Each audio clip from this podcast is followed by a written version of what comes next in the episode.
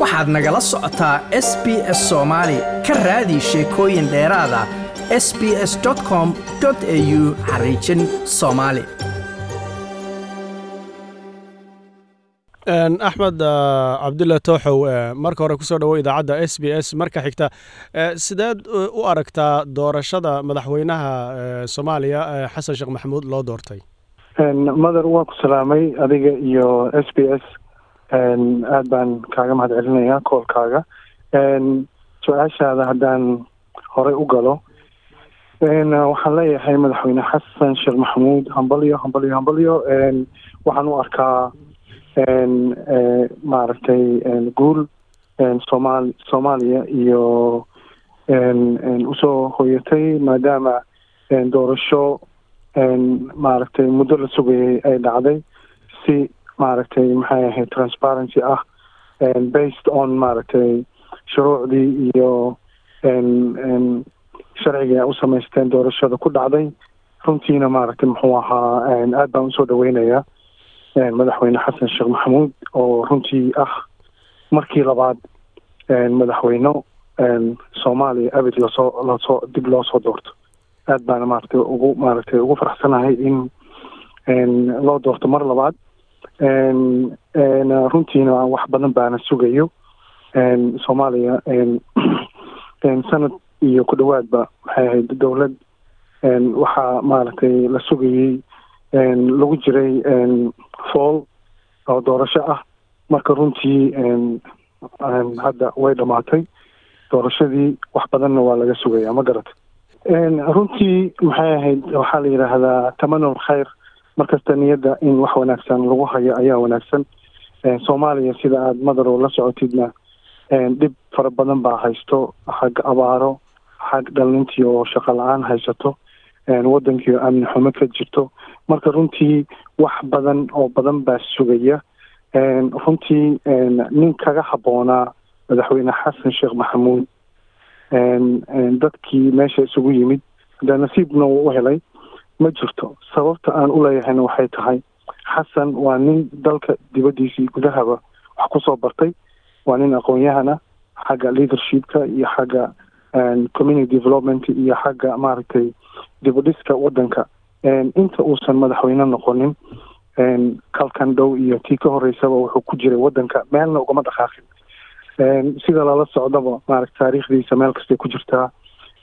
Dhisidda ha noqoto dhisidda xagga iskuullada institutionada xagga waxbarashada heer hoose heer dhexe heer heer sareba humanitarianka wax badan ka soo qabtay dib u dhiska iyo dib heshiisiinta wax badan ka soo qabtay. Marka runtii isagoo backgroundkiisa aqooneed iyo shaqo soo dhisnaa waddankan aan dhinacna uga bixin ayuu misena helay janis ah afar sano inuu waddankan soo maamulo. Marka si kastaba ha ahaatee waxbuu ka bartay maamulkaas iyo xilligaas uu soo soo hayay which is a very good opportunity asaga iyo waddankaba qofka markii la soo tijaabiyo marka ugu horeyso waxyaaba badan qalada ka dhacan waayo horey experience waxa uma lahayn. Laakiin hadda waxaad moodaa inuu afar sano oo hogaanah uu soo qabtay aqoontiisii ka sii horeysay iyo weliba maxay ahayd waddankii uu dib uu u joogay xilligii dowladdan hadda maaragtay la bedelay afartii sano shantii sano ee farmaajo ayuu joogay.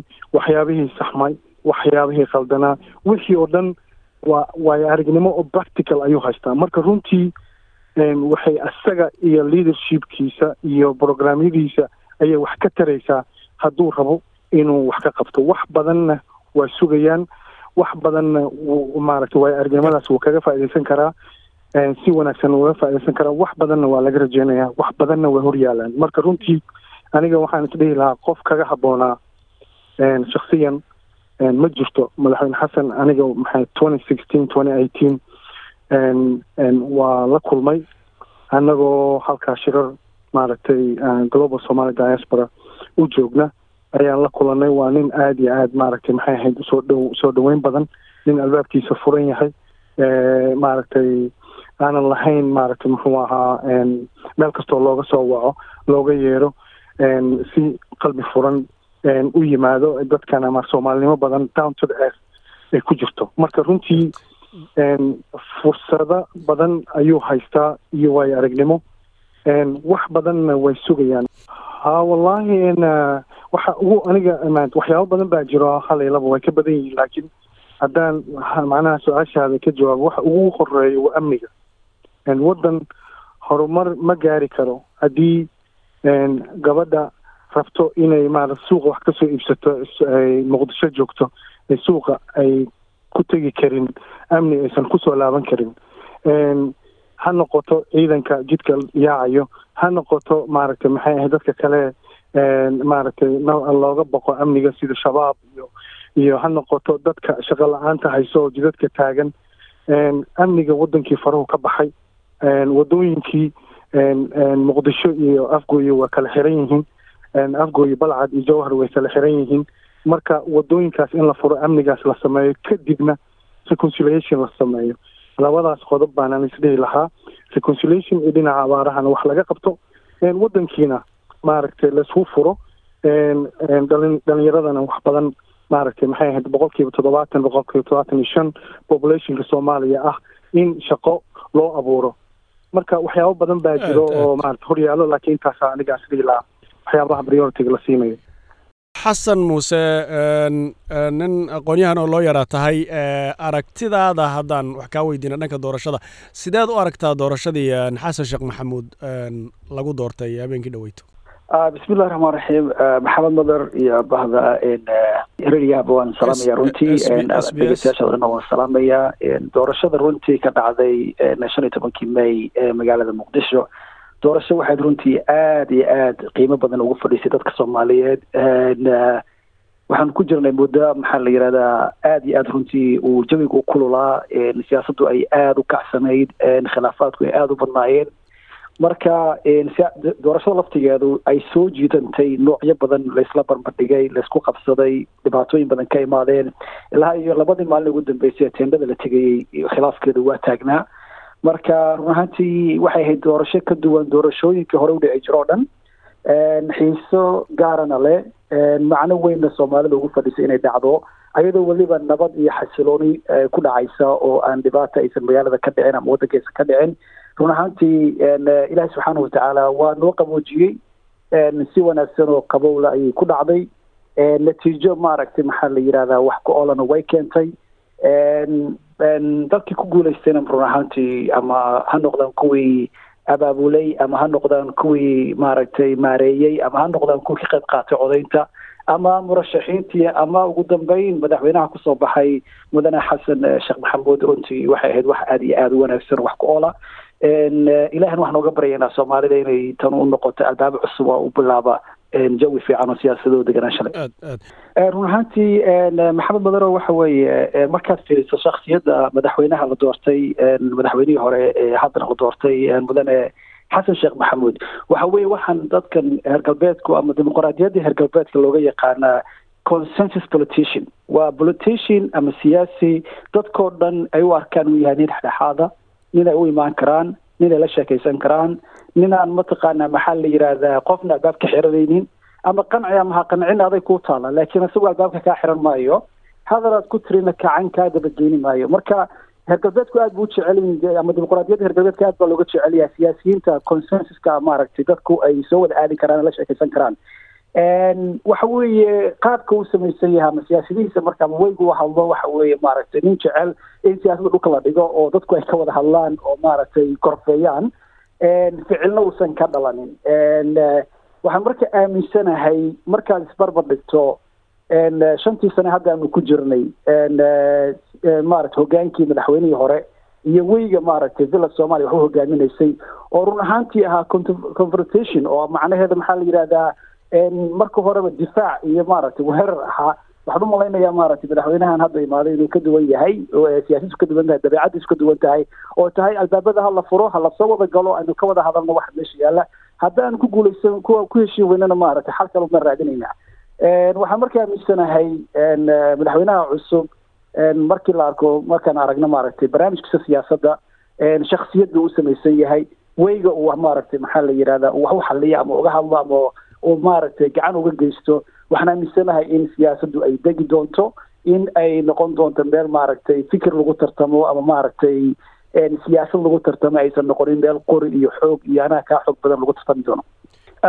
Waa runta absolutely mother way jiraan qodobo weliba aada u badan baa jira. Waxaan aaminsanahay hal ha markii uu doorashadii hore uu maaragtay uu ku guulaysan waayey waxay ahayd qabyo. Ninkeedaa dhamaystira marka waxaan aaminsanahay qabyadii uu noo sheegay shan sano ka hor inuu u helay uu ku fahmo dulduleelkay lahayd oo dhan meelaha laga hagaajin karo o dhan iyo sida loo dhamaystiri karo. Shan sano breega waxa weye mataqaana waa muddo dheer oo qofku ku ogaado wixii maaragtay uu sameeyey iyo wixii ka maqnaa. Haddana waxa weye hadalhayntiisa waxaa ka mid a waxaan u baahan nahay mataqaanaa soomaali heshiisa dunidan heshiisla waa kelmad kalo iyaduna aada iyo aada runtii u wanaagsan. Marka waxaan aaminsanahay madaxweynuhu labada tilaabo ee ugu horeysa looga baahan yahay waxa weeye. Horta tilaabo ayadoo caadiya u dhacaysaayo wax dhibaataa ma laha oo ayadaa iskeenaysa midda waa midaas waxa weeye in siyaasaddu ay degto oo qaboonaato waadna arki karaysaa haddaad maanta isbarbar dhigto fifteen may iyo seventeen may waad arki karaysaa soomaalidu already say u qaboobeen. Marka taas ayadaa iska imaanaysa midda labaad waxa weeye maxaa la yidhaahdaa madaxweynuhu haddii uu doonayo inuu runtii taariikh ka tago oo sida soomaali badan ay halhays ka dhigteen aabihii dimuquraadiyadda lagu celceliyo hadday rabto taas inay dhab noqoto ay noo noqoto waxaan aaminsanahay madaxweynuhu arrinta ugu horreysa uu aada uga fekeraya inay noqoto prime ministerka uu dooranayo ra'iisul wasaaraha uu dooranayo. Ra'iisul wasaaraha uu dooranayo haddii madaxweynuhu ku doorto ra'iisul wasaare yes mana oo ka amar qaata oo barnaamij aan leeyahay aniga ii fuli dhaha oo anaa wax kula sheegaya dhahaa waxaan aaminsanahay waxaynu ku noqon doonaa meeshii maxaa la yidhahdaa aynu ka imaanay. Haddii laakiin madaxweynuhu uu dhaho legacy baan ka tegayaa taariikh baan ka tegayaa halhays baan soomaali uga tegayaa waa inuu doortaa prime minister ama ra'iisul wasaare u qalma positionka ra'iisul wasaaraha oo madaxweynaha wax la qaban kara oo wada shaqayn karaan oo wada tashan karaan oo go'aanada isla qaadan karayaan kadibna vision ama aragti soomaali ay ku badbaadi karta ay diyaariyaan. Wasiiradana saa lagu soo xulo. Kadib madaxweynuhu hadduu soo sharaxi iyo hadduu soo sharaxi waayeba prime ministerkiisa rasaarihiisa uu fursad u helaa inuu ka tago ajende ama taariikh uu hadduu rabo inuu soo sharaxo madaxweyne isaguna uu ku geli karayo oo labadoodaba u noqoto taariikh. Haddii madaxweynuhu saa sameeyo waxaan aaminsanahay soomaaliya albaab cusub baa u furmaya.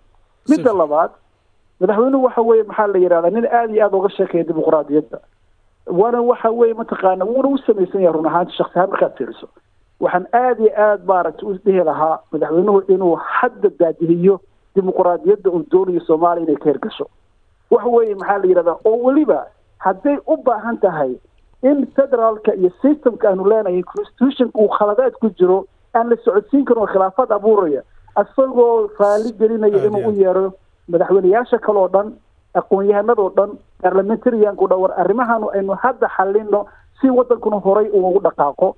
Haddii xataa ay noqoto in somaliland lala hadlo somaliland waa in la tusaa waxay ku soo noqoto ee dad kala daadsan oo isdagaalsan oo wada rafaadsan oo iswada khiyaamaya laguma soo noqon karo. Marka madaxweynuhu inuu ka faa'iidaysto afartaas sano oo isku dayo dhinacna inuu daadajiyo dimuquraadiyadda oo consensus uu sameeyo dhinacna uu keeno prime minister wadanka wax uu qaban karaya iyo dowlad maaragtay ma tayaale oo wax u qaban karaysa waddanka.